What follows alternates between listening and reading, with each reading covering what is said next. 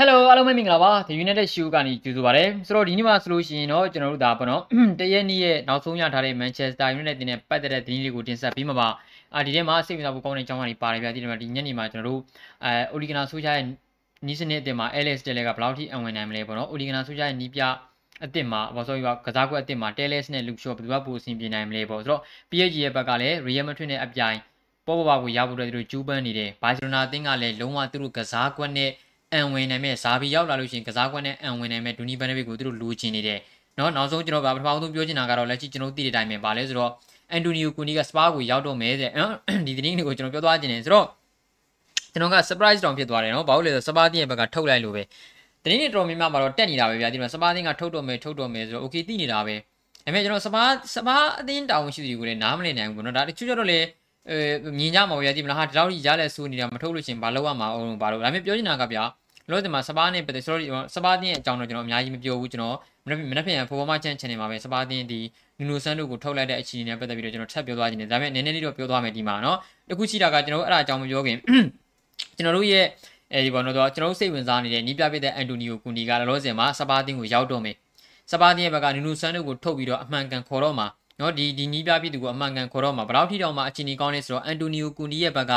သူ့အတွက်အချိန်3နှစ်ထိပေးဖို့အတွက်သူတောင်းဆိုထားတယ် နော်စာချုပ်ထဲမှာသူ3နှစ်ထိတောင်းဆိုထားတယ်အဲ့ဒီ3နှစ်အတွင်း okay လိုက်ရောပေးနိုင်တယ်3နှစ်သူ့ကိုအချိန်ပေးနိုင်တယ်အသင်းတည်ဆောက်ဖို့3နှစ်အချိန်ပေးနိုင်တယ်ဆိုလို့ရှိရင်လည်းပဲ okay သူစာချုပ်ထုတ်မယ်ဆိုတဲ့သဘောပဲဆိုတော့လောဆယ်မှာစပါးတင်းရဲ့နီးပြတိဖြစ်လာလို့တဲ့နံပါတ်1ရေပန်းစားနေတာဒီအန်တိုနီယိုကွန်တီပဲနော်အသင်းရဲ့ဒန်နီယယ်လီဗီကနော်လောလောဆယ်မှာဆိုလို့ချင်းကွန်တီလိုချင်တဲ့ကစားမတွေကိုလည်းလာမယ့်3နှစ်တောအတွင်းမှာခေါ်ပေးမယ်အတင်းချင်းအတင်းကိုဒီဖြည်းဖြည်းပြောင်းလဲသွားမယ်ဆိုပြီးတော့သူတို့ပြောထားတယ်တကယ်ခေါ်ပြီးမလားမခေါ်ပေးဘူးလားကျွန်တော်စောင့်ကြည့်ရမှာပဲဆိုတော့အန်တိုနီယိုကူနီရောက်သွားပြီဆိုလို့ချင်းစပါးတင်းကအများကြီးပိုကောင်းလာမယ်ဆိုတာကျွန်တော်တို့တွေ လုံးဝဒါပေါ့နော်တွေးကြည့်လို့ရတယ်ဒါပေမဲ့အချိန်ဘယ်လောက်ထိပေးရမှာလဲဒါကလည်းကျွန်တော်မိကွန်းထုတ်စရာရှိသေးတယ်လက်ရှိစပါးအသင်းမှာကမရှိတဲ့ကစားမတွေအများကြီးပဲနော်လောလောဆယ်မှာကျွန်တော်အာနီးပြဖြစ်တဲ့နူနူဆန်တိုရဲ့လက်ထက်မှာကြည့်လိုက်မယ်ဆိုလို့ရင်စပါးအသင်းမှာအမှန်တကယ်မရှိတဲ့ကစားမတွေရှိတယ်နော်ဆိုတော့ဒါမို့ဒီတော့ကျွန်တော်ကြုံတွေ့ခဲ့ဆိုပြောချင်တာကဗျာကျွန်တော်တို့ကလပ်တင်းကိုရောက်ခံလူရောက်ရောက်လူနီးပါးဒီကျွန်တော်နီးဆက်ခဲ့တဲ့အန်တိုနီယိုကူနီကလောလောဆယ်မှာစပါးကိုရောက်တော့မယ်နော်စပါးကိုရောက်တော့မယ်အသင်းတာဝန်ရှိသူတွေဘယ်လောက်ထိကျွန်တော်တို့တွေအလောက်ကင်နေနှီးကွေးလဲ အတင်းရဲ့ဘက်ကဘာကြောင့်ဆူရှာကိုဆက်ထားနေတာလဲဒါတွေကိုကျွန်တော်နားမလည်ဘူးကျွန်တော်ပြောချင်တာကဟုတ်တယ်စပါးကိုဘာ sorry ဘာပြောတယ်အန်တိုနီဗါလဲနီးပြဆူရှာကိုကျွန်တော်ဆက်ထားမယ်ဆိုလို့ရှိရင် okay လာမယ့်နေ့ဒီမှာနိုင်နော်နိုင်ပွဲတွေရကောင်းရနိုင်တယ်ရလက်တွေပူကောင်းကောင်းကောင်းလာနေတယ်ဒါပေမဲ့ဖလားတွေဘာဖလားမှရမှာမဟုတ်ဘူးနော်ကျွန်တော်တို့အဓိကလက်ရှိလောလောဆယ်မှာရှင်ပြိုင်နေတယ်ဆိုတာကအဓိကအပြင်ဖလားဗျာပြီးရင်ကျွန်တော်တို့ကလပ်တင်ရဲ့ဘက်ကလည်းနော်တန်120ကျော်သုံးဆွဲထားတယ်ရိုနယ်ဒိုတို့ဗာဒန်တို့ဆန်ချူတို့ကစားမတွေကိုခေါ်ထားတယ်ဆိုတာကစူဖလားတွေပါရရချင်လို့ပဲ ဆိုတော့ရလက်ဒီကောင်းလုံးတွေအဆင်မပြေဘူးတရားကြီးလုံးတိုင်းနိုင်တဲ့ကောင်းမှရမှာနော်နေတီချီမင်းတီချီနေတီချီမင်းတီချီနေတော့ဥရောပအသင်းတွေကိုကျွန်တော်တို့သွားရှင်လို့မရဘူးဘယ်ဖလားမှကျွန်တော်လိုချင်လို့မရဘူးဆူရှာကိုဆက်ထားလိုက်လို့လာမယ့်အက်တနာနဲ့ပွဲစီမှာလည်းနိုင်ကောင်းနိုင်နေတယ်မန်ချက်စတာစီးတီးနဲ့ပွဲစီမှာလည်းနိုင်ကောင်းနိုင်နေတယ် International Break တွေကပြန်လာလို့ဝက်ဖူကလည်းနိုင်ကောင်းနိုင်နေတယ်နော်တခြားသော Chelsea တို့ Arsenal တို့ကလည်းနိုင်ကောင်းနိုင်သွားနေတယ်ပြောမရဘူးဗျာတော့နိုင်သွားမယ်ထားအောင်ဆိုတော့နိုင်သွားတော့ဘာပြန်ဖြစ်လဲအဲ့ဒီပွဲစဉ်တွေပြီးလို့ရှိရင်နောက်ကြလို့ရှိရင်ရလက်တွေပြန်ဆိုးလာနိုင်မယ် အဲ့ဒီပြန်တော့လေးကလေးငယ်ဆက်ပွဲတော့ရလက်ဆိုးပြီးသွားပြီဆိုရင်နောက်ထပ်3 5ပွဲလောက်ပြန်ကောင်းလာနိုင်မယ်ဒါနဲ့ပဲလဲပတ်နေတာကျွန်တော်အမြဲတမ်းပြောသလိုပဲကျွန်တော်ကလပ်တင်ရဲ့ဘက်ကနော်လက်ရှိနီးပြဆူကြကိုဆက်ထားလို့ဒီအကျက်ပွဲကျက်ကာလတွေမှာရက်လက်ကောင်းကောင်းကောင်းနိုင်တယ်ဒါပေမဲ့ဘာဖလားမှကျွန်တော်ရမှာမဟုတ်ဘူးဖလားရဖို့ဆိုရင်တရားစီလုံးအတိုင်းတာနေနဲ့ကျွန်တော်အတင်းကြီးတင်းရဲ့ပုံစံကိုပြသထားနိုင်ရမယ်အတင်းကြီးတွေနဲ့တွေ့တဲ့အခါမှာလည်းသူရှင်ကိုရှင်ကစားနိုင်ရမယ်အတင်းကြီးတွေနဲ့တွေ့တဲ့အခါမှာလည်းသုံးမအပြည့်ရယူရမယ်ပွဲစဉ်တွေမှာသုံးမရအောင်ယူနိုင်စွမ်းရှိရမယ်ဒီလိုမျိုး consistent ဖြစ်တဲ့ခြေသွင်းတွေကိုကျွန်တော်ရထားမှ နော်ဒီလိုအသီးမျိုးကကျွန်တော်စူပလာတွေနဲ့မျှော်လင့်လို့ရမှာ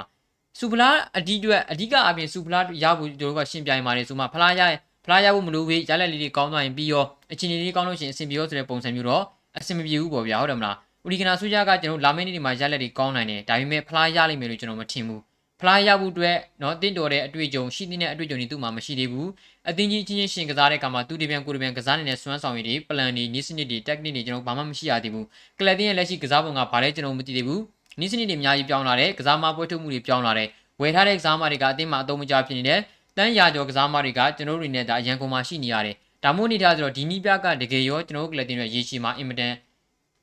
စူပလာတွေယူပြီးမဲ့နီးပြလာဒါမျိုးမင်းကွန်းထုတ်စရာရှိလာပြီဗျာ အတင်းရဲ့ဘက်ကဟာမနော်စပါးနဲ့ပွဲစီမှာနိုင်တယ်ကွာအက်တန်လာနဲ့ပွဲစီမှာနိုင်တယ်ကွာမန်ချက်စတာစီးတီးနဲ့ပွဲစီမှာနိုင်တယ်ကွာဆက်ထားတော့မှာဒီပွဲစဉ်၃ပွဲနိုင်ပြီဆိုရင်စိတ်ချဆိုးချကိုဆက်ထားတော့မှာယာတီကုန်းလို့ဖလားရတာမရတာသူတို့ကောင်းနေမှာမရှိဘူးပွဲကျက်ပါတယ်ဆိုတဲ့ကာလာလေးတွေမှာရက်လက်ကောင်းသွားရင်ပြီးရောပွဲချောင်တဲ့အချိန်ဒီမှာမိမမင်ကြိုက်တာဖြစ် ပွဲချောင်တဲ့အချိန်မှာရက်လက်တွေပါတယ်မကောင်းဘူးအဆင်မပြေဘူးโอเคထုတ်တော့မယ်ပွဲချက်ကာလရောက်ငါတို့ဆောင်းကြည့်ဦးမကပွဲချက်ကာလမှာပွဲချက်ကာလမှာဒီကောင်ဘယ်လိုဖြတ်သန်းမလဲโอเคပွဲချက်ကာလလေးကောင်းသွားတယ်အဆင်ပြေသွားပြီဆက်ထားတော့မယ်ဒါဘယ်လိုလုပ်ပြီးတော့အဓိပ္ပာယ်ရှိမှာတော့မရဘူးမလား အတင်းရဘက်ကကျွန်တော်တို့တခြားအတင်းတွေနဲ့အပြိုင်စူပလာရဖို့အတွက်စွမ်းဆောင်နေတဲ့အချိန်လေးစူပလာရဖို့အတွက်ကျူးပန်းနေရမယ့်ချိန်ဟုတ်တယ်မလားဒါမှမဟုတ်ဆိုတော့အတင်းတာဝန်ရှိတဲ့ဘက်မှာကဘာကျွန်တော်တို့ရီမန်းချက်မှမရှိဘူးဘာမျှော်မှန်းချက်မှလည်းမရှိဘူးအတင်းအောင်မြင်မှုနဲ့ပတ်သက်လို့ဘာမှသူတို့အတွက်သူတို့စီမှာရီမန်းထားတာဘာမှမရှိဘူးတော်တော်ကိုစိတ်ပြက်စရာကောင်းတယ်တော်တော်စီမှာဆိုလို့ချင်းကြီးကျွန်တော်တို့စပါးတင်းကိုရောက်သွားတော့မယ်အန်တိုနီယိုဂူနီကနော်ဆိုတော့အန်တိုနီယိုဂူနီက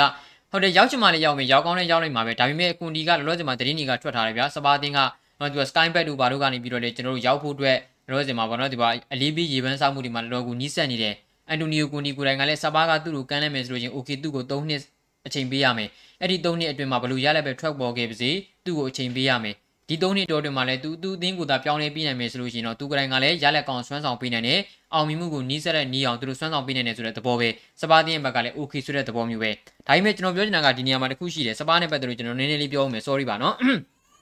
တော့ ပြောချင်တာကဘာလဲဆိုတော့ကျွန်တော်တို့စပါးတင်းတောင်းစပါးတင်းရဲ့ပြည်သက်တွေဘလို့မြင်နေတော့မသိဘူးကျွန်တော်ဘေးပြည်သက်တယောက်အနေနဲ့တော့ကျွန်တော်ဒီဒန်နီယယ်လီဗီကိုဘလို့မှသဘောမကျဘူးပိုချက်တီနိုရဲ့လက်ထက်မှာရှိတဲ့ exam တွေနဲ့ရအောင်ကောင်းအောင်လုပ်ပေးထားတော့မဲဘယ်မှအားဖြည့်ကျင်နေမှုမရှိဘူးနော်အဘယ်အားဖြည့်မှုမှလည်းမရှိဘူးဘာအားဖြည့်ပေးမှလည်းမရှိဘူးဆိုတော့ Queen တော့1 billion တန် Queen တော့တိဆောက်ပြီးသွားပြီအသင်းပေါ်မှာကျွန်တော်တို့အနေနဲ့အမှန်တကယ်လက်လွတ်လိုက်တဲ့ Harry Kane ဆက်ရှိနေသေးတယ်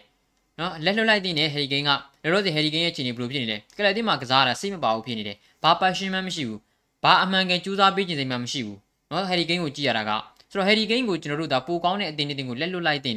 အဲ့ဒီကနေပြီးတော့တန်း120တန်း140ရမယ်သူ့နေရာမှာကျွန်တော်တို့စပါးသင်းရဲ့အခြေအနေနဲ့နော်အစားထိုးနိုင်တဲ့ကစားမတွေကျွန်တော်တပုံတမင်းကြီးရှာပလိုက်လို့ရတယ်ဟုတ်တယ်မလားပြောချင်တာကကျွန်တော်တို့ကစားမတယောက်ကိုဘယ်လောက်ကောင်းပါလဲပြပြဒီကလပ်တင်းကနေထွက်ပြီးတော့နော်သွားကျင်နေဆိုတဲ့ကစားမတယောက်ကိုကျွန်တော်ထိတ်ထိမ့်နေနေတော့ဟုတ်တယ်မလားသူ့ကိုလည်းအကောင်းဆုံး support လုပ်မပေးနိုင်ဘူးဒီတင်းက ဟယ်ရီကိန်းကအောင်မြင်မှုတွေရကျင်တယ်ဒီဟယ်ရီကိန်းကိုသူတို့နော်ဒီပေါ် support လုပ်ပေးနေလားဆိုတော့လေ support လုပ်မပေးနိုင်ဘူးဆိုတော့လက်လွတ်လိုက်လားဆိုတော့လေလက်မလွတ်ပြန်ဘူးဒါမှမဟုတ်ဆိုတော့ကစားမကပဲပြောတော့မလို့နောက်ပြီးလို့ရှိရင်အတင်းတာဝန်ရှိတဲ့ဘက်ကလည်းအတင်းရဲ့အောင်မြင်မှုပေါ်မှာအောင်မြင်မှုရဖို့အတွက်ဘာ investment မှမရှိဘူးနီးပြတွေကိုအချိန်ပေးတယ်လို့မရှိဘူးလက်ရှိနူနိုဆန်တို့ကိုထုတ်လိုက်တယ်တချို့လူကြီးကပြောကြတယ်ဟာနူနိုဆန်တို့ကမင်းကလေကွာဒီလောက်ဒီအချိန်ကြီးစူးနေမှာတော့ဘယ်တင်းကဆက်တာမမင်းတို့အတင်းဆိုလို့ချင်းဆက်ထားမှာလားโอเคမေးတရားရှိတာကနူနိုဆန်တို့ကိုဘယ်တင်းကခေါ်ခဲ့တာတော့နူနိုဆန်တို့ရဲ့ playing style ကိုသူတို့သိရမလား လက်ရှိမှာနူနိုဆန်တို့နဲ့အန်ဝင်တဲ့ကစားမတွေစပားမှာဘယ်နှယောက်ရှိတော့သူ့ကိုအချိန်ဘယ်လောက်ပေးပြီးသွားပြီတော့နူနိုဆန်တို့လောလောဆယ်မှာစပားမှာဖြတ်တန်းတာ၄လပဲရှိသေးတယ်၄လပဲရှိသေးတယ်နော်စပားတင်းရဲ့ဘက်ကထုတ်ပလိုက်တယ်ပရီးမီးယားလိမှာ10ပွဲကစားထားတယ်9ပွဲနိုင်ထားတယ်ဟယ်ရီကိန်းမပါနိုင်ခင်ကကောင်းလိုက်တဲ့ခြေစွမ်းဟယ်ရီကိန်းရောက်လာရောပြက်သွားရောအထိုင်ပြက်သွားရောဒါဘာကြောင့်လဲဟုတ်တယ်ဒါတွေကိုသူတို့ဆန်းစစ်ရမှာနော်နူနူဆန်တို့ဝူဘန်ဟန်တမှာကောင်းခဲ့တယ်ဆိုတာကွင်းလင်မှာဖန်တီးနိုင်မဲ့ကစားမတွေအများကြီးပဲဂျောင်းမော်တီညိုတို့လိုကစားမတွေကနော်ကလပ်တင်းမှာဖန်တီးနိုင်တယ် ရူဘီနီဘက်စ်တို့လိုကစားမမျိုးတွေကဂိုးသွင်းနိုင်စွမ်းရှိတယ်တောင်မန်ကစားမတွေကလည်းဖြစ်နေမို့ပြနေတယ်ရှိတယ်အဒါမာထရာဝီကလည်းကျွန်တော်တို့အကောင်းဆုံးဖန်တီးပြနိုင်တယ်ပြီးလို့ရှိရင်ကျွန်တော်ဒီဂူဂျူတာတို့လည်းရှိခဲ့တယ်နော်လက်ရှိမှာဆိုလို့ကျွန်တော်ဗောနော်ဒန်နီယယ်ပိုဒန်စ်တို့ပါတော့နော်ရာဦးမီနန်တို့ကစားမမျိုးတွေရှိတယ်ဒါမိုးတွေနဲ့နော်ဒီပေါ့ဖန်တီးနိုင်မဲ့ကစားမတွေလည်းရှိတယ်တောင်မှာလောအားလုံးကောင်းတဲ့ကစားမတွေလည်းရှိတယ်တိုက်စစ်မှာအဆုံးသက်တည်ကြတဲ့ရာဦးမီနန်တို့ကစားမတွေလည်းရှိတယ်လက်ရှိစပါးမှာဘသူရှိတယ်တိုက်စစ်မှာဟယ်ရီကိန်းရှိတယ်ဘသူပန်ပိုးပေးမလဲသူ့ကိုဘသူမှပန်ပိုးမပေးဘူးဆွန်ဟော်မင်ရှိတယ်ဆွန်ဟော်မင်တယောက်တည်းယုံနေရတာလေ ဆွန်ဟော်မင်တယောက်တည်းယုံနေရတာရှင်းရှင်းလေးရဲ့စပါးတင်ဘလူးသွားပြီးတော့လှုပ်လို့မလဲဟုတ်တယ်မလားကွင်းလေဖန်တီးခြင်းမရှိဘူးခရစ်စတန်အဲရစ်စင်နောက်ပိုင်းဘလူးဆက်တွေဘာမှဆက်မဖြစ်ဘူးပြောချင်တာကဗျာအသင်းရဲ့ဘက်ကလိုအပ်တဲ့ကစားမတွေကိုဘာမှခေါ်ယူမပေးနိုင်ပဲတဲ့နီးပြနီးပြကြီးခေါ်ပြီးတော့ဒီနီးပြမင်းတို့ဒီလူစင်းနဲ့ရအောင်ကိုလုပ်ရမယ်ကွာဆိုတော့ပုံစံမျိုးသွားလို့လို့မရဘူးလေးလာဗျာနီးပြတယောက်ကလေးလာမှာဘာလို့လို့ရမှာလဲကျွန်တော်တို့ကကစားဂိမ်းကစားနေတာမဟုတ်ဘူးဗျာသိတယ်မလားဟာမင်းလေးလာအတွင်းမှာဖြစ်တဲ့လောက်တော့ဖြစ်ရမယ်လीကွာโอเคဖြစ်တဲ့လောက်တော့ဖြစ်ရမယ်ဘယ်ကစားမတွေကဘယ်လောက်ထိရည်သွေးရှိပြီလဲ နော်ဒယ်လီယလီတို့ကစပါးသင်းမှာဆက်ရှိတဲ့ကစားမတွေမဟုတ်ဘူးအန်တူမီလီကလည်းကျွန်တော်တို့ဒါပေါ့နော်အမှန်ကန်ကြိုးစားခြင်းတွေမရှိဘူးလိုဆယ်ဆိုကလည်းခြေသွမ်းတက်မလာဘူးနောက်တန်းကလည်းပဲအေရစ်တန်ယာတို့ defensive midfielder ကိုထားကစားနေရတယ်ခရစ်စတီယန်ရိုမဲရိုနဲ့တွဲဖက်ကစားပေးနေရတယ်နော်ကျွန်တော်တို့ဒါပေါ့အန်တာဝီရထွက်သွားတယ်ဂျမ်ပါဒိုငန်ထွက်သွားတယ်ခရစ်စတီယန်ရိုမဲရိုတယောက်ပဲစန်တာဘက်မှာအားပြနိုင်ခဲ့တယ်ညာကျမ်းမှာအမဆန်ရောက်လာတယ်ကွင်းလေနော်အလဲဘဟိုမှာဘာသူရှိတယ်ဘူးမှမရှိဘူးဒါပေမဲ့ဆန်ချက်တို့ဘာလို့ဆိုတာကနော်အည်သွေးပြည့်တဲ့ကစားမတွေမှာမပါဘူးပြောချင်တာကအသင်းတာဝန်ရှိတဲ့ဘက်ကဘာကျွန်တော်တို့ ဂလီဇာလိုပဲဘာ investment မှမရှိအချိန်လည်းမပေးနိုင်မင်းနဲ့နီးပြတယောက်ကိုအများကြီးကြည့်တယ်မလားခဏလေးနဲ့ဆုံးဖြတ်လိုက်လို့မရဘူးဗျာကျွန်တော်တို့နားမနေစပါတင်ပရိသတ်တွေဘလို့သဘောပေါက်ကြတယ်တော့မသိဘူးကျွန်တော်ကတော့ဒါကျွန်တော်အမြင်ပဲကျွန်တော်ဒါကတော့ကျွန်တော်ကနီးပြဆိုတာတဲ့အသင်းပိုင်ရှင်ရဲ့ဘက်ကအများကြီးမှားတယ်လို့ကျွန်တော်ထင်တယ်လုံးဝထုတ်ပယ်တင်တယ်လို့ကျွန်တော်မထင်ဘူးဆိုတော့ဒါပါလားစပါတင်အကြောင်းဆိုတော့ကျွန်တော်အများကြီးမပြောတော့ဘူးเนาะဆိုတော့ sorry ပါ sorry ပါဆိုတော့ပြောချင်တာကဒီလိုမျိုးအမြင်မတူတာတွေအများကြီးရှိတယ်ဗျာသိတယ်မလားเนาะဆိုတော့ကျွန်တော် ဖိုးမချန် channel မှာတည်တံ့ပြောပြသွားပါမယ်မနေ့ပြန်မှာစပါးနဲ့ပတ်သက်လို့စိတ်ဝင်စားတဲ့ညီကိုတွေတော့သွားကြည့်လို့ရတယ် sorry နော် United channel မှာစပါးကြောင်းပြောရတာဆိုတော့ပြောချင်နေရဗျာတင်ပရိသတ်တယောက်အနေနဲ့တခြားဖန်ပရိသတ်တယောက်အနေနဲ့မြင်ရတာကအမှန်တမ်းပြောချင်စပါးတင်းရဲ့ဘိုးဖွဲ့ဝင်တွေကိုအားမရဘူးသိတယ်မလားเนาะဆိုတော့ထားပါဒါကတခုအဲကျွန်တော်ပြောချင်တာကလက်ရှိမှာကျွန်တော်เนาะလက်ရှိမှာ Manchester United ရဲ့အခြေအနေကိုကြည့်ရမယ်ဆိုလို့ကျွန်တော်အဲလက်ရှိမှာအသင်းတာဝန်ရှိတဲ့ဘက်ကနီးပြဆူချပါเนาะကျွန်တော်တို့ကစားကွက်အသစ်သုံးလာတယ်ဒီကစားကွက်အသစ်မှာเนาะကျွန်တော်တို့စိတ်ဝင်စားဖို့ကောင်းတဲ့နေရာဒီ ဂျီဒန်အော်ဆိုဂျီဒန်နဲ့နော်ဆိုတော့လုချိုနဲ့အဲလက်စ်တဲလေးရဲ့နေရာပဲဒီနှစ်နေရာမှာဘသူကဒီနေ့နေရာမှာဘသူကပို့ပြီးတော့အံဝင်နိုင်လဲပေါ့နော်ဒါလေးကျွန်တော်တို့ဒါကတော့ကြာဒီ athletic ကကျွန်တော် athletic မဟုတ်ဘူးကျွန်တော်တို့ ESPN ကပေါ့နော်ဒီဘယ်လိုလဲဆိုတော့ article တခုဖတ်ခဲ့ရတယ် LS Sterling နဲ့ Lucio ကပေါ့နော်လက်ရှိ social ပြောင်းလဲတုံးလိုက်တဲ့နော် center back 3ယောက် queen league ကမှ4ယောက်တန်းနေရာမှာဘသူကပို့အံဝင်နိုင်မလဲပေါ့ကျွန်တော်တို့ဒီနေရာမှာတရားပြောချင်တာက Lucio က LS Sterling ထက်ပို့ပြီးတော့နော်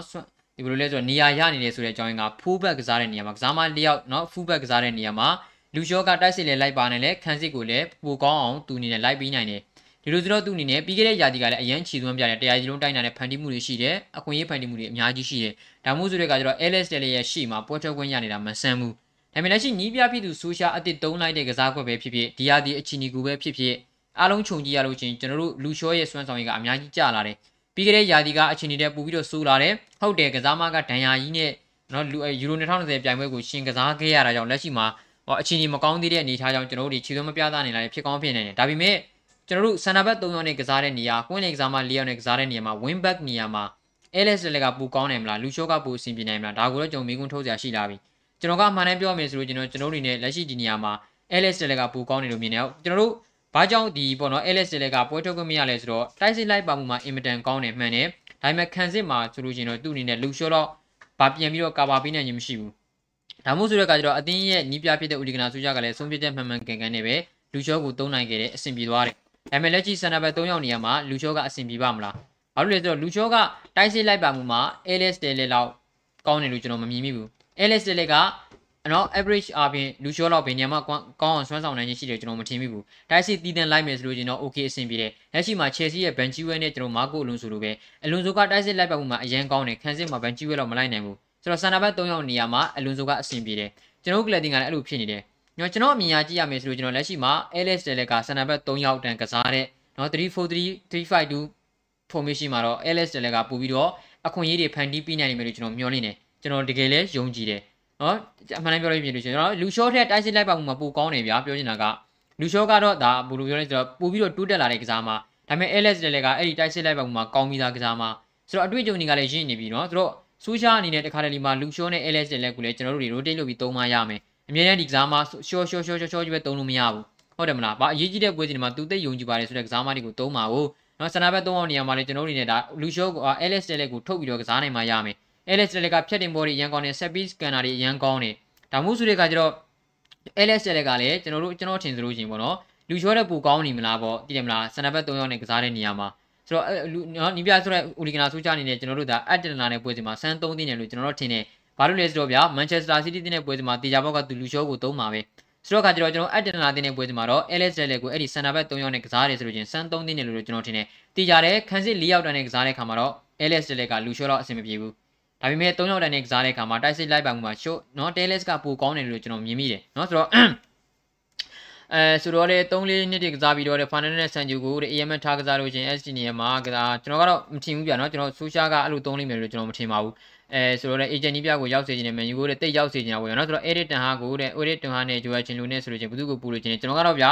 နော် joy ချင်းလူကိုပူလို့ချင်းနဲ့ joy ချုကို joy ချင်းလူကိုပူလို့ချင်းနဲ့ဘာကြောင့်အဲ့လိုပြောလဲဆိုတော့ joy ချင်းလူကကဘာဖလားရထားတဲ့သူ ကဘာဖလားရထားတဲ့သူတော့ဘာကြောင့်အာမင်းကလည်းကွာနိုင်ငံသိမ်းကင်မှာတော့ကဘာဖလားကရမှာပေါ့မလွယ်ဘူးပြီးရင်နော်ကဘာကဘာဖလားရတယ်ဆိုတော့ကတာမန်နဲ့ရခဲ့တာမဟုတ်ဘူးသူကင်တွေခဲ့တဲ့ကစားသမားတွေကိုကြည့်ပဲကဘာစင်ကစားသမားတွေအများကြီးပဲဂျာမနီမှာဒီလိုမျိုးကစားလို့ကဘာစင်ကစားသမားတွေအတွေ့အကြုံရင်ကစားသမားတွေလူငယ်ကစားသမားတချို့နဲ့ပေါင်းဆက်ပြီးတော့2014ကဘာဖလားကိုရထားတာပြီးလို့ရှိရင်လည်းပဲလက်ရှိထွက်သွားတဲ့အနေအထားမှာဆိုလို့ရှိရင်လည်းဗျာတကယ်ကိုကောင်းတဲ့ကစားသမားတွေကိုသူ manage လုပ်နိုင်ခဲ့တယ်ဆိုတော့ကျွန်တော်တို့ grading ကိုရောက်လာတဲ့အခါမှာကဘာအဆင့်ကစားသမားတွေများတယ်ဒီကဘာအဆင့်ကစားသမားတွေကိုကင်တွယ်နိုင်စမ်းရှိမှရမှာ ဒီကစားသမားတွေနော်နာမည်ကြီးပါတယ်ဆိုတဲ့ကစားသမားတွေအည်သွေးအရန်ပြပါတယ်ဆိုတဲ့ကစားသမားတွေကိုတကယ်ပြပြကြီးကင်တွယ်နိုင်တဲ့နီးပြမှရမှာအဲ့ဒါဆိုတော့ Eric Ten Hag ကမကင်နိုင်နိုင်ဘူးလားဒီလိုပြောတာလည်းမဟုတ်ပြန်ဘူး Eric Ten Hag ကသူလက်ရှိတလို့တင်မှာလူငယ်ကစားသမားတွေနဲ့ရှိရင်ရှိတဲ့ကစားသမားတွေနဲ့အကောင်းဆုံးအသင်းကိုအချိန်ယူပြီးတော့တိစောက်တဲ့နေရာမှာအင်မတန်ကောင်းနေဒါပေမဲ့သူ manage လုပ်တဲ့နေရာမှာကမ္ဘာအဆင့်ကစားသမားတွေကျွန်တော်တို့မတွေ့ရဘူးသေးဘူးဆိုတော့ဒီနှစ်ယောက်ထက်ကတယောက်ကိုယူရမယ်ဆိုလို့ကျွန်တော်ကျွန်တော်တယောက်တည်းရဲ့အမြင်ကဂျိုဝါချင်လို့ကိုပိုကြိုက်တယ်ဒါပေမဲ့အတင်းရဲ့ဘက်ကဂျိုဝါချင်လို့ကိုခေါ်ဖို့ဆိုတာကဘယ်လို့မှမဖြစ်နိုင်ဘူး နော်ဆိုတော့ Eric Ten Hag ကိုရောက်လာဖို့ရှိတယ်အကယ်တကယ်အကွေးဒါအမှန်တကယ်ခေါ်မယ်ဆိုလို့ရှိရင် Eric Ten Hag ရောက်လာလို့ရှိရင်ကလပ်တင်အတွက်ရှုံးနေရအကြောင်းမရှိဘူးတကယ်ကိုအည်သွေးပြည့်တဲ့နီးပြနော်သူတို့နှစ်ယောက်တည်းကဘယ်သူကြောက်ကျွန်တော်ကတော့အဆင်ပြေတယ်ပူပြီးတော့ပထမဖြစ်တဲ့နီးပြဆိုလို့ကျွန်တော်ဗျာဒီကကနာပြောလို့ကြိုးချင်လို့ပေါ့အဲ United ပုတ်ကားတဲ့ Man U Champion League မဝင်တာကြာလို့ချင်းပြင်မြင်တာဖြစ်မဲ့တဲ့အဲဒိုင်ယာ defensive မဟုတ်ဘူးလားတဲ့အခုကနောက်တော့မှကစားနေတာလားတဲ့ကိန်းနဲ့အလီကအရင်လိုအားကျုံမှတ်တဲ့မကစားဘူးတင်နေတဲ့နီးပြကိုတော့အချိန်ချက်ပေးတင်တယ်လို့ထင်တယ်လေးလာဗျာလေးလာအနေနဲ့ဘာမှလုပ်မရဘူးသိတယ်မလား တကယ်တော့ United ဘုတ်ဖွဲ့နဲ့ဆိုချာကဖန်ဒီရဲ့လောကရန်ကိုအတက်ကြနေမြင့်ကိုခံနေအောင်လေ့ကျင့်ပြနေတာပါတဲ့အဲဆိုတော့ပေါ့ပါပါနေလားမနေ့ပြန်ညားတယ်ဒါကျွန်တော်ကြည့်ရမယ်ကွင်းလင်မှာကျွန်တော်ကြည့်ရမယ်ပေါ့ပါပါနေလားကဘာကြောင့်လဲဆိုတော့ကျွန်တော်ပြောသလိုပဲဗျာကွင်းလင်ကစားမဖြစ်တဲ့ပေါ့ပါရဲ့အနာဂတ်က United မှာမရှိတော့သလိုဖြစ်သွားပြီဆိုတော့ပွဲပဲခံထားရတဲ့စပါးနဲ့ပွဲစီမှာမပါတာလက်ခံပြီးလို့ရတယ်ဒါပေမဲ့သူကနော် formation ပြောင်းသုံးလာပြီးတော့3 4 2 1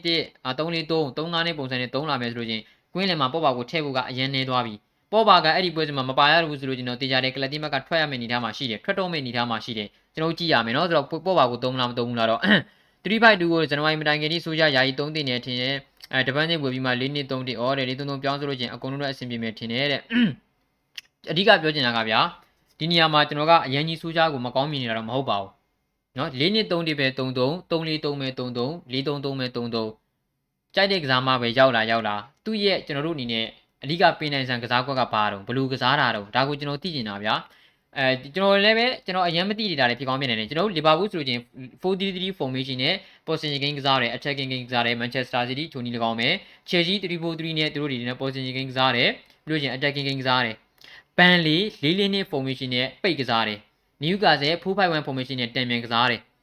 Brighton 3-4-3 formation နဲ့သူတို့တွေအာဘယ်လိုလဲဆိုတော့3-4-3 formation နဲ့သူတို့တွေ position game ကစားတယ် တခြားအသင်းတွေမှာက playing style ရှိနေပြီကျွန်တော်အသင်းမှာ playing style ကဘာတော့4-3-1 okay ဟုတ်ပြီဘာတော့ playing style က position game လားမဟုတ်ပြန်ဘူး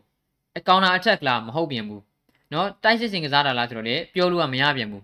ဟောဒါမှမဟုတ်ဆိုတော့ကျွန်တော်ကလပ်တင်ဘက်က okay ဘာတော့ကျွန်တော်ကလပ်တင် playing style ကျွန်တော်ကလပ်တင် identity ကဘာတော့ဟုတ်တယ်မလားမေးစရာဖြစ်လာပြီဗျာဒါကြောင့်လည်းဘောလုံးဝေဖန်သုံးသက်သူတွေဘောလုံးကစားမဟောင်းတွေအများကြီးကဝေဖန်ထားကြတာဆူရှားက3နှစ်တာကလာရှိသွားပြီသူ့ရဲ့ကစားပုံကဘာတော့သူတို့မသိဘူး နော်တကယ်လည်းပဲကျွန်တော်အနေနဲ့ဒါကနာစရာဆိုပြီးမြဲဗျာကိုနီးပြကိုပြောတာနာစရာဆိုပြီးမြဲဒါကလည်းမှန်နေတာပဲမှားတယ်လို့ကျွန်တော်တွမ်းမိလို့မရဘူးတကယ်လည်းဟုတ်နေတာပဲဆိုတော့ကျွန်တော်ပြောနေတာကကျွန်တော်အမြဲတမ်းပြောသလိုပဲเนาะချုံကြီးကိုတွေကကျွန်တော်အရန်ဆူးချကိုမကောင်းမြင်နေထင်နေပါသလိုကျွန်တော်တို့အကောင်းဆုံးမှာဆိုတဲ့ချန်ပီယံလိဖလားတွေကိုရယူခြင်းနဲ့မင်းတို့ရယူနိုင်မယ်မင်းတို့လုံးဝရမယ်ကွာဘယ်နည်းပြနဲ့ရခြင်းလဲဦးဒီကနာဆူးချကျင်းတဲ့နည်းပြနဲ့လုံးဝမရခြင်းဘူးကျွန်တော်တို့ကလပ်တင်ရဲ့ legend နဲ့အကောင်းဆုံးဖြစ်စီလို့ချင်းဆူးချနဲ့ပဲဖြစ်စီခြင်းတယ်ဒါပေမဲ့ကျွန်တော်တို့ဒီချိန်မှာလက်ခံမှာကဆူးချကဒီတက်ကိုကောင်းလို့မရတော့ဘူးဆိုတာပဲ ဒါမှမဟုတ်ဆိုတော့ကျွန်တော်တို့ကလပ်တင်နေနဲ့လက်ရှိမှာအိုရီဂနာဆိုးကြောက်ကိုဆက်ထားပဲ defensive midfielder ဝယ်ပြီးတယ်ဘာဖြစ်လာမလဲစိုးရင်ညာကောင်းတယ်အရန်ကုန်ရောက်မလာတော့မှကျွန်တော်စိုးရင်ရတယ်နော်အခုလည်းဂျီဒန်ဆန်ဂျူ तू အရန်လူကြီးလို့နှစ်နှစ်အချိန်ပြပြီးတော့ဝယ်ရတယ်ဘာဖြစ်သွားလဲအရန်ကုန်ရောက်နေတယ်စင်မပြေဘူးဗျာဟုတ်တယ်မလားနော်ကလပ်တင်ရဲ့ဘက်ကအဲဆိုတော့တဲ့ဂျိုဝါကျွန်တော်ကအတင်းလက်မဲ့ဖြစ်နေတာမလားနဲ့ဟုတ်ပါတယ်အတင်းလက်မဲ့ဖြစ်နေတာမှဂျိုဝါကျွန်တော်ကအဲ defensive midfielder ကြောက်လာအခုတော့အာ sorry ဗျာနော်ကိုမော်ဆိုတဲ့အကူရဲ့ comment ကဖောက်မှုလို့ဖတ်လို့မရဘူးနော် sorry ပါ အဲတကယ်တော့အကျိုးကကျွန်တော်ကအတင်းလက်မိတာဟုတ်ပါတယ်ကိုရင်ရေးဆိုတော့အဲစူတော့တဲ့လူသုံးသုံးကစားစီနေဗျာတဲ့ okay ပါဆိုတော့အဲလေးနှစ်တစ်တုံးကအကြိုက်တာလေးတဲ့နိုင်ဝင်ကစားကွယ်တဲ့နော်ဆိုတော့ပေါ့ပါမထည့်ရင်ဟုတ်ပါပြီဘလို့ရေးတဲ့ဒူနီလေးနေရာပေးလိုက်ပါတဲ့အဲ့ဆိုလို့ချင်းအခုနေရာလုံးလက်လို့ရမလားဆိုဘလို့အခုလောလောဆယ်ကပေါ့ပါဆိုတာတဲ့ဒူနီဘန်ဒပိတ်ကိုဇန်နဝါရီမှာတင်လက်လို့ရမယ့်အနေထားမှာရှိနေတယ်ကျွန်တော်ကလပ်တီယန်ဘက်ကအမှန်တမ်းပြောလို့ချင်းတော့ပေါ့ပါဒူနီဘန်ဒပိတ်တယောက်ပဲလက်လို့ ပေါ်ပါထွက်သွားโอเคရတယ်ဒူနီဘန်ဒမီလေးတော့ရအောင်ထားလိုက်24နှစ်ပဲရှိသေးတယ်အည်သွေးပြည့်ပါတယ်ဆိုတဲ့ကစားမလေးနော်တန်း40ပဲကုန်ကြထားတယ်လစားလည်းအများကြီးပြေးကြမလို့သေးဘူးအရန်လေးစိတ်ချတဲ့ကစားမအရန်အုံနောက်ကောင်းတဲ့ကစားမဒီလိုကစားမမျိုးကိုဆက်ထားပေါ်ပါထွက်သွားလိုက်ရတဲ့ကိစ္စမရှိဘူးအဲ့လိုမဟုတ်ဘူးပေါ်ပါကိုဆက်ထားမယ်ဒူနီဘန်ဒမီထွက်သွားလိုက်ရတဲ့ကိစ္စမရှိဘူးဒါပေမဲ့နှစ်ယောက်စလုံးထွက်သွားလို့ရှိရင်တော့အဆင်မပြေဘူးဗျာနောက်ကြလို့နောက်ရတဲ့တန်အဲ့နေရာကြီးကိုပြန်အားဖိရမှာကျွန်တော်မြင်အောင်နေသေးတယ်နော် ။ Okay ပါကျွန်တော်နောက်တစ်ခုကျွန်တော်ဆက်လက်ကြည့်အောင်ပါနောက်တစ်ခုကဘာလဲဆိုတော့အဲ PSG အသင်းကပေါ့နော် Real Madrid အသင်းနဲ့အပြိုင်ပဲလက်ရှိမှာ Queen Exam ဖြစ်တဲ့ပေါ်ပေါ်ပါကိုခေါ်ယူဖို့အတွက်ကြိုးပမ်းလာတယ်ဆိုပြီးတော့ပြင်သစ်ရဲ့ကျွန်တော်တို့ reliable ဖြစ်တဲ့ source တွေတွေကတခုလို့ပြောမယ် Leiden Sport ကဖော်ပြထားတယ်။ Manchester United အသင်းရဲ့ဘက်ကပေါ်ပါကိုနေရာပေးမှုတွေ imminent ရှာလာတဲ့နောက်ဆုံး၃လေးပွဲမှာကစားမကနော်ဒီပေါ်အနီးကလည်းထိထားတယ် Champions League ပွဲစဉ်တွေမှာလည်း formation အပြောင်းအလဲရပေါ်ပါပါရမယ့်အခြေအနေတိတ်နေနေတယ်ဆိုတဲ့ကာရီကျတော့ကစားမရဲ့ဘက်ကအကယ်၍လာမယ့်နေ့ဒီမှာသာသူ့အတွက်ကစားခွင့်မရှိဘူးဆိုလို့ကျွန်တော်လုံးဝလုံး လုံးဝအသင်းကနေထွက်တော့မယ့်အနေထားပြီးလို့ရှိရင်လည်းပေါ်ပါကပြီးခဲ့တဲ့နေ့ကကျွန်တော်အသင်းတာဝန်ရှိသူတွေဘက်က okay သူတို့အနေနဲ့ပေါ်ပါကတက်တန်းမတူတာကိုသူတို့လက်ခံလိုက်ပြီးဆိုတဲ့အနေထားရကျွန်တော်ကြည့်မယ်ဆိုရင်တော့တခြားအသင်းတွေကဒါအများကြီးစိတ်ဝင်စားလာပြီး Real Madrid အတင်းရဲ့ဘက်ကအပြောင်းရွှေ့မှာလုံးဝနော်နောက်နှစ်နွေရာသီပြောင်းရွှေ့မှာအလွတ်နဲ့ရမယ်ဆိုရင် Real ကရအောင်ခေါ်နိုင်မှာ Real ဘက်ကပဲအဆင်ပြေမှာဒါပေမဲ့လက်ရှိမှာလည်း PSG ရဲ့ဘက်ကနွေရာသီပြောင်းရွှေ့သူတို့အလွတ်နဲ့ရှင်ပြိုင်ခေါ်တဲ့နေရာမှာမာစီဖန်ဘေးကြောင့်သူတို့ကလပ်တင်ကိုပေါ်ပါပြောင်းမှုကအခြေအနေနည်းတယ် ဆိုတော့ Real Madrid တင်ကိုပဲရောက်သွားမယ့်ပုံစံမျိုးဆိုတော့ဇန်နဝါရီမှာကတည်းကကျွန်တော်တို့ပေါ်တော့ဒီပေါ် PSG ကခေါ်ချင်တာဒါပေမဲ့ Real Madrid တင်ရဲ့ဘက်ကလည်းဒီကစားမကို PSG နဲ့အပြိုင်ခေါ်မယ်ဒါပေမဲ့ခက်တာကသူတို့ဇန်နဝါရီမှာတော့ခေါ်မှာမဟုတ်ဘူးပေါ့ပါမင်းငါတို့တင်းကိုပြောင်းချင်လို့ရှိရင်တော့နောက်နှစ်နွေရာသီစောင့် PSG ကအဲ့လိုမဟုတ်ဘူးပေါ့ပါရေးသူများတွေကမင်းကိုနောက်နှစ်နွေရာသီမှာခေါ်မှာငါတို့ကဇန်နဝါရီမှာထိုက်တန်နဲ့ပြောင်းရွှေ့ချင်တယ်မင်းကိုပြီးပြီးခေါ်မယ်နော်ဆိုတော့မင်းလူချင်းနဲ့လာတာလည်းပြီးမယ်ဆိုတဲ့သဘောမျိုးပဲပေါ့ပါရဲ့ဘက်ကဘာကြောင့် Real Madrid ကိုပို့ပြီးတော့ရွေးချယ်နိုင်ကြီးရှိလဲဆိုတော့သူတို့မိသားစုတစုလုံးကပေါ့ပါကိုရန်ကတော့မာစီဖန်မှုလိုပဲ မာစီဖန်ဆိုတော့ PSG တင်ရဲ့ပြည်သက်တွေအင်မတန်မုန်းတယ်အင်မတန်မုန်းတဲ့ပြိုင်ဘက်တွေဆိုတော့ဒီကစားမရောက်လာတာကိုမင်းဘလောက်ကောင်းကောင်းကြိုးစိုးမဲနေထားမှာမရှိဘူးဒါမို့ဆိုတဲ့အခါကျတော့ဗျာကျွန်တော်တို့ဒီပေါ်ပေါ့ပါရဲ့နေထားကလည်းဘယ်ကိုပြောရမလဲအဆင်မပြေတဲ့အချိန်မှာ PSG နဲ့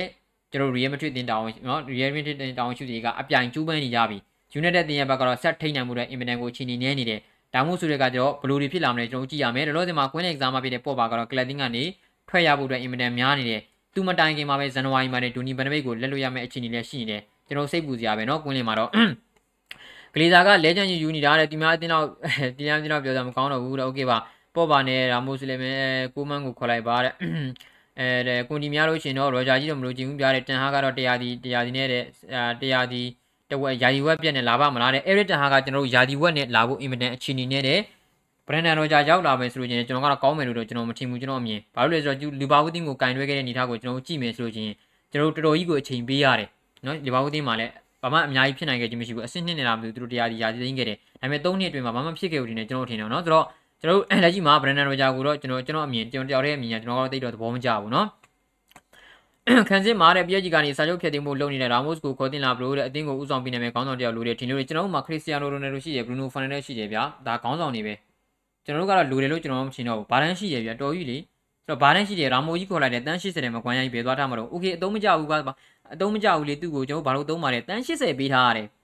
တန်း80ပေးထားရတယ်ဟုတ်တယ်မလားနော်အသင်းဘက်ကစိတ်ချ defense center back ကိုခေါ်မှာကိုမဟုတ်တော့ဘူးနော်ဆိုတော့အဲဆိုတော့တဲ့ဆိုကြကိုထုတ်တော့မယ်ဆိုလို့ချင်းနိုင်ငံပွဲတွေကဆက်လာပြန်ရောခွင့်ရေးတယ်โอเคပါအဲဆိုတော့3နှစ်လောက်တီးခံနေရတာတော်ပါပြီပြဆိုကြကိုတော့တဲ့โอเคပါဆိုတော့အဲဆိုတော့တဲ့โอเคပါကျွန်တော်နောက်ထပ်တစ်ခုကျွန်တော်ဆက်လက်ကြည့်အောင်ပါနော်နောက်တစ်ခုကဘာလဲဆိုတော့ဘာစီလိုနာအသင်းက ဇာဘီရောက်လာမယ်ဆိုလို့ရှင်ဇာဘီရဲ့ကစားကွက်နဲ့အင်မတန်အံဝင်မဲ့ဒူနီဘန်ဒဘေကိုခေါ်ဖို့အတွက်ကြိုးပမ်းလာပြီးသူထွက်ချင်ပါတယ်ဆိုတဲ့ဇန်နဝါရီပြောင်းရွှေ့မှာအရာခေါ်သွားမယ်ဆိုတဲ့ပုံစံမျိုးโอเคကျွန်တော်ပြောသလိုပဲဒူနီဘန်ဒဘေကိုပေါ်ပေါ်ပါရောကျွန်တော်တို့တပြိုင်နဲ့လက်လွတ်ရဖို့ရှိတယ်ဘန်ဒဘေကိုဇန်နဝါရီမှာလက်လွတ်ရလို့ရှိရင်ပေါ်ပါကိုနောက်နေ့နွေရာသီပြောင်းရွှေ့မှာကျွန်တော်လက်လွတ်ရလိမ့်မယ်ဆိုတော့ကျွန်တော်တို့အနေနဲ့ဒူနီဘန်ဒဘိတ်ကိုသာထိန်းနိုင်တယ်ဆိုလို့ချင်းပေါ်ပါကိုလက်လွတ်ရဖို့ရှိတယ်ဒူနီဘန်ဒဘိတ်ကိုထိန်းနိုင်ဖို့လိုတယ် ဒါပေမဲ့ဒူနီဘန်ဒဘိတ်ကိုထိန်းမှုကလည်းထိန်းတာကဟုတ်ပါပြီသူ့ကိုကစားခွင့်ပေးမှလားဆိုရှယ်လက်ထက်မှာထွက်တာပဲကောင်းတယ်ဘန်ဒဘိတ်အနေနဲ့ဆိုတော့ဒီနေရာမှာဘာစီလိုနာကိုပြောင်းရင်ဘန်ဒဘိတ်ကအင်မတန်ကိုကောင်းလာမှာဇာဘီရဲ့ကစားကွက်ကနော်ကျွန်တော်ဟိုးတနေ့ကကျွန်တော်ကြည့်နေတာဗျ YouTube ဗီဒီယိုတွေကနေပြီးတော့ဗောတက်ဒီက technique သူတို့ explain လုပ်တာကျွန်တော်ကြည့်နေတာဇာဘီရဲ့ကစားကွက်ကအင်မတန်ကောင်းတယ်လက်ရှိနော်ဒီပေါ်ပတ်ကွာဒီလာ2009ခုနှစ်ကကျွန်တော်လောလောဆယ်မှာအဲသူကန်သူ့ရဲ့အရင်နာမည်ကြီးခဲ့တဲ့ဘာစီလိုနာကိုသူကစားပေးခဲ့လို့ပဲဇာဘီကအင်မတန်ကိုကောင်းနေတယ် နော်ဆိုတော့အဲ့လိုမျိုးနေထားမျိုးဒီမှာကျွန်တော်တို့ဘောလုံးအရန်ကိုကျွမ်းကျင်တဲ့ဒူနီဘန်နမစ်ကိုသာပေးထည့်လိုက်မယ်ဖရန်ကီဒီဂျောင်တို့နဲ့တွဲပေးလိုက်မယ်ဆိုတော့ကျွန်တော် okay အဲ့ဒီ queen ကလုံးဝ perfect ပဲတကယ်ကိုကောင်းသွားမှာနော်ပက်ထရီယိုလိုလူငယ်ကစားမတွေရှိတယ်အာဇာဘီအကြိုက်တွေကြီးပဲတယ်နော်ဆိုတော့လက်ရှိဘိုင်နော်ဒူနီဘန်နမစ်ရဲ့ကစားပုံကလည်းအဲ့လိုမျိုးကစားပုံများအီဂျက်တို့ဘာစီလိုနာတို့ရဲ့ကစားပုံမန်ချက်စတာစီးတီးတို့ရဲ့ကစားဟန်ဒူနီဘန်နမစ်ကဒါမို့ဆိုတော့ကတော့တိတ်ကြိုက်တယ်နော် movement တူတူတူလို့လေးလောက်ရမယ်အတုတ်ထီလေးနဲ့ကစားရမယ်အချင်းကြီးမျိုးမှာဒူနီဘန်နမစ်ကလုံးဝအံဝင်တယ် ။ဇာဗီကလည်းဒါကိုမြင်တယ်။ဘာစီလိုနာတာဝန်ရှိသူကလည်းဒါကိုမြင်တယ်။ယူနိုက်တက်အသင်းမှာဒိုနီဘန်နဘက်ရုံးကန်ရတဲ့အသင်းကထွက်ကျင်တဲ့ဇန်နဝါရီမှာဇန်နဝါရီမှာထွက်ကျင်တာကိုသူတို့တွေ့တယ်။ Okay ခေါ်မယ်။ United ကတော့မှနော် Z ဆိုတော့ Ajax ကနေခေါ်ခဲ့ရတာတန်း40ပဲရှိတယ်။အခုသူတို့ပြန်ခေါ်လို့ရှိရင်35တန်းလောက်နဲ့ရတယ်။ဆိုတဲ့အခါကျတော့ကျွန်တော်တို့အမှန်တကယ်ခေါ်သွားလို့ရှိရင်ဒူနီဘန်နွေတဲ့အင်မတန်ကိုကောင်းသွားပြီ။တကယ်လည်းပဲနေရာပေးနိုင်ဇာဗီကတော့နေရာမပေးပြတော့မရှိပါဘူး။ဒါတော့ဒီယူသွင်းမိနေကစားမကိုနော်။ဆိုတော့အမှန်တကယ်ကောင်းသွားနိုင်ရည်ရှိတယ်။ကလပ်တင်းမှာဆက်နေလို့ရှိရင်တော့ okay ပြည်သက်တွေကဆက်နေစီညရတယ်။ ဒါပေမဲ့ဆူရှာရှိနေသည်ပဲဘန်ဒဘိတ်တွေကတော့တက်တာပဲဘန်ဒဘိတ်တွေကနော်ကစားမဘွားပြတ်သွားမှာပဲရှိတယ်ဆူရှာဆက်ရှိနေသည်ပဲမန်ချက်စတာယူနိုက်တက်မှာရှိနေတယ်ဆိုလို့ရှိရင်တော့နော်ဆိုတော့ဘလို့ပဲဖြစ်ဖြစ်ကျွန်တော်တို့ကလပ်တင်းကတော့ဒီမှာဒူနီဘန်ဒဘိတ်ကိုလက်လွတ်ရဖို့အတွက်တော်တော်လေးကောင်းလာပြီအချိန်ကြီးများသွားပြီဒူနီဘန်ဒဘိတ်ကိုယ်တိုင်ကလည်းအေဂျင့်အသစ်ရှာထားတယ်ဆိုတဲ့အခါအေဂျင့်တစ်ခန့်အပ်ထားတယ်ဆိုတဲ့အခါကျတော့အိုရီဂနာဆိုကြတဲ့ဒါကိုရိပ်မိမှာပဲအော်သူအေဂျင့်တစ်တောင်ရှာနေပြီပဲငါတော့လက်လွတ်လက်မထင်တယ်လက်လွတ်လိုက်ပါတော့ဗျာဘာလို့မှတော့ပင်မနာရှိတာပဲ နော်ကိုလေမတုံးတဲ့ကစားမတဲ့ကွာအတင်းမှာဆက်ထားပြီးတော့ဘာလို့ဒုက္ခပေးနေမှာဘာလို့ကစားမဘွားကိုဖျက်ဆီးနေမှာတော့ဟုတ်တယ်မလားလာစာပေးရတာအဖက်တွေနဲ့ငွေကြီးကုန်ခံတာအဖက်တွေနဲ့မသုံးမဲတူတူတော့အရေးသွေးမြင့်မြင့်မြင့်မြင့်ရောင်းလိုက်တယ်ပေါ့ဗျာအခုကသူကတိုင်ကလည်းအဲခွင့်ရေးတွေရမှာပါခွင့်ရေးတွေရမှာပါဘာဖြစ်တယ်ညာဖြစ်တယ်တုံးလားဆိုတော့မတုံးဘူးတမ်သူမလူချင်းလို့ခေါ်လာတဲ့ဗန်ဒပိတ်မပြောနဲ့သူလူချင်းပါတယ်ဆိုတော့နော်ဂျေဒန်ဆန်ဂျူလူကစားမမျိုးတော့မှအရန်ကုန်ရောက်နေတာဗျာဆိုတော့နော်အတင်းရဲ့ဘက်ကဟုတ်တော့မဟုတ်သေးဘူး ငွေတွေအလကားနေတုံးနေလို့ဖြစ်နေတာဗျာတိတယ်မလားဂျေဒန်ဆန်ဂျူနဲ့ဒူနီဗန်ဒပိတ်အရန်ကုန်မှာဒီကစားမနှစ်ယောက်ရဲ့တန်ကြီးကတန်း130ကျော်ရှိတယ်သူတို့နှစ်ယောက်ကိုမခေါ်ဘဲနဲ့လူချင်းပါတယ်ဆိုတော့ defensive midfielder တယောက်တည်းကိုခေါ်ခဲ့မယ်ဆိုလို့ချင်းကလပ်တင်းရဲ့ဘက်က okay နေပြီနော်ဆိုတော့လူမျိုးဆိုတဲ့ကကြတော့အတင်းရဲ့ကျွန်တော်တို့နော် managing director တွေကိုကြိုက်တဲ့သူအကုန်လုံးပဲအတင်းအပေါ်ကြီးကလူတွေနဲ့စူးရှားတို့ရဲ့လုပ်ရက်တွေကဟုတ်ကုန်မဟုတ်ဘူးဟုတ်တယ်မလားနော်ပရိသတ်တယောက်အနေနဲ့တော်တော်ကိုတင်းဖို့ကောင်းနေပြန်နော်ဆိုတော့ဘာပဲဖြစ်ဖြစ်ကျွန်တော်တို့အနေနဲ့ဒူနီဘန်ဒပိတ်ကဇန်နဝါရီမှာတော်တော်လေးကိုကလပ်တင်းကနေပြီးထွက်ဖို့အတွက်အင်မတန်နီးစပ်နေပါပြီနော် စူးရှားရှိနေပြီတွေ့တဲ့ United Player နေချင်းနေပါတယ်တဲ့ okay ပါဆိုတော့နော်အဲဆိုတော့ဆိုတော့ဆိုတော့ဆို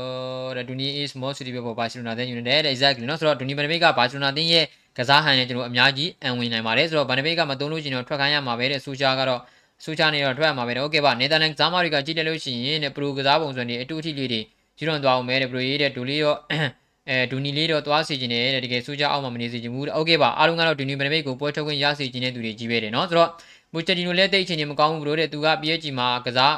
အားတဲ့ PSG မှာအားကစားဝင်ကြီးလို့ဖြစ်နေတယ်တဲ့နော်ပြီးမှာအားကစားဝင်ကြီးလို့ဖြစ်နေဇီဒန်က PSG ရဲ့နီးပြနေရာကိုစောင့်နေတယ်ဘာဖြစ်ဖြစ် United ကတကယ်လိုက်ရဲ့လိုက်တကယ်လိုက်ရင်လာမယ့်နီးပြတွေ United ကခေါ်တယ်ဆိုလို့ချင်းလာမယ့်နီးပြတွေကြီးပဲတယ်ဘာကြောင့်လဲကလပ်တင်ရဲ့ဂုံချိန်ဝါရှိမယ်ကလပ်တင်ရဲ့လက်ရှိယူထားတဲ့ကစားမတွေရှိဝယ်ထားတဲ့ကစားမတွေရှိတယ်ကလပ်ဒီကစားမတွေနဲ့ နော်မင်းသူမပြောနဲ့မင်းကိုဦးမျိုးလာမင်းတို့ဘာလို့တော့သွားမှာပဲဗျာခွင်တော့တမလားနော်ဘာလို့လဲဆိုတော့လောက်တိုင်းဖြစ်နေပြီကစားမကြီးလေဘာကြောင့်ဒီနီးပြအောက်မှာအလုံးမဖြစ်လဲကျွန်တော်စဉ်းစားလို့မရဘူးနော်ပိုချန်နီနိုကိုကမ်းလမ်းမလားဇီဒန်ကိုကမ်းလမ်းမလားကွန်တီကိုကမ်းလမ်းမလားနော်အဲ့ဒီတန်ဟာကိုကမ်းလမ်းမလားဂျိုဝါဂျင်တို့ကိုကမ်းလမ်းမလားကြိုက်တဲ့နီးပြကိုကမ်းလမ်းလာမယ့်သူတွေကြီးပဲဒီလူစင်းတွေကကျွန်တော်တို့နော်ဆိုတော့ဒီလိုမျိုးဆိုတော့အတင်းရဲ့ဘက်ကမှန်မှန်ကန်ကန်နဲ့ကျွန်တော်တို့ဒါထိထိရောက်ဆုံးဖြတ်နိုင်မှုပဲလိုတယ်ဘယ်လိုတွေဖြစ်လာမလဲပဲကျွန်တော်တို့ကြည့်ရမယ်နော်ဆိုတော့ ကစားမတွေကိုအလဲကျသုံးသိနေတဲ့ဒါမှဘသူကကောင်းတယ်ဘသူကဆိုးတယ်ဆိုတာအာသိနိုင်မှာတန်ဖိုးကြီးတဲ့ကစားမတွေကိုမသုံးနိုင်တဲ့ငွေဖြုံးနေတာပဲတဲ့โอเคပါเนาะဆိုတော့ Graham Potter ကိုကြိုက်တယ်တဲ့ player တွေကိုလည်း pressure မပေးဘဲကစားနိုင်တဲ့ manage လုပ်နိုင်တယ် Graham Potter ကတော့ကျွန်တော်တို့နောက်နှစ်နှစ်သုံးနှစ်အတော်တွင်မှာအတင်းကြီးအတင်းတင်းကိုကင်တွယ်တယ်ဆိုလို့ချင်းကမ္ဘာအဆင့်ကြီးပြတယောက်ဖြစ်လာလိမ့်မယ်လို့ကျွန်တော်တို့လုံးဝကိုယုံကြည်တယ်เนาะဆိုတော့ okay ပါဆိုတော့ဒါတွေကတော့ကျွန်တော်တို့လောလောဆယ်မှာဒီနေ့ရထားတဲ့နောက်ဆုံးရအခြေအနေတွေကိုကျွန်တော်တင်ဆက်ပေးခဲ့တာပါเนาะ ဒီထဲမှာညိုလို့စိတ်ဝင်စားဖို့ကောင်းမဲ့အကြောင်းအရာတွေလည်းပါဝင်သွားလိမ့်မယ်လို့ကျွန်တော်မျှော်လင့်ပါတယ်ဆိုတော့ unit နဲ့တင်ရင်ပြည်သက်တွေဒီဗီဒီယိုလေးတွေကိုကျွန်တော်တင်ဆက်ပေးနေတဲ့ဗီဒီယိုလေးကိုနှစ်သက်တယ်ဆိုလို့ချင်းနော်ဒါ subscribe လေးနှိပ်တော်ကိုလည်းတောင်းဆိုပါတယ်ဆိုတော့ကျွန်တော်မနက်ဖြန်မှာဆက်လက်ပြီးကြပါမယ်နီးပြပြည်သက်ဦးလီကနာဆိုချရဲ့ press conference ကမနက်ဖြန်လာတော့မသိဘူးပြန်နော်ဆိုတော့ကျွန်တော်တို့အဲ့ဒီလေးမှာကျွန်တော်ဆက်ပြီးပါမနက်ဖြန်သတင်းလေးတွေမှာကျွန်တော်တွေ့ကြပါမယ်ဆိုတော့ကြည့်ရှုအားပေးခဲ့တဲ့ညီကများအားလုံးကိုကျေးဇူးပါကျွန်တော်နောက်ရက်ဒီမှာဆက်လက်ပြီးကြပါမယ်ဗျအားလုံးကိုကျေးဇူးပါ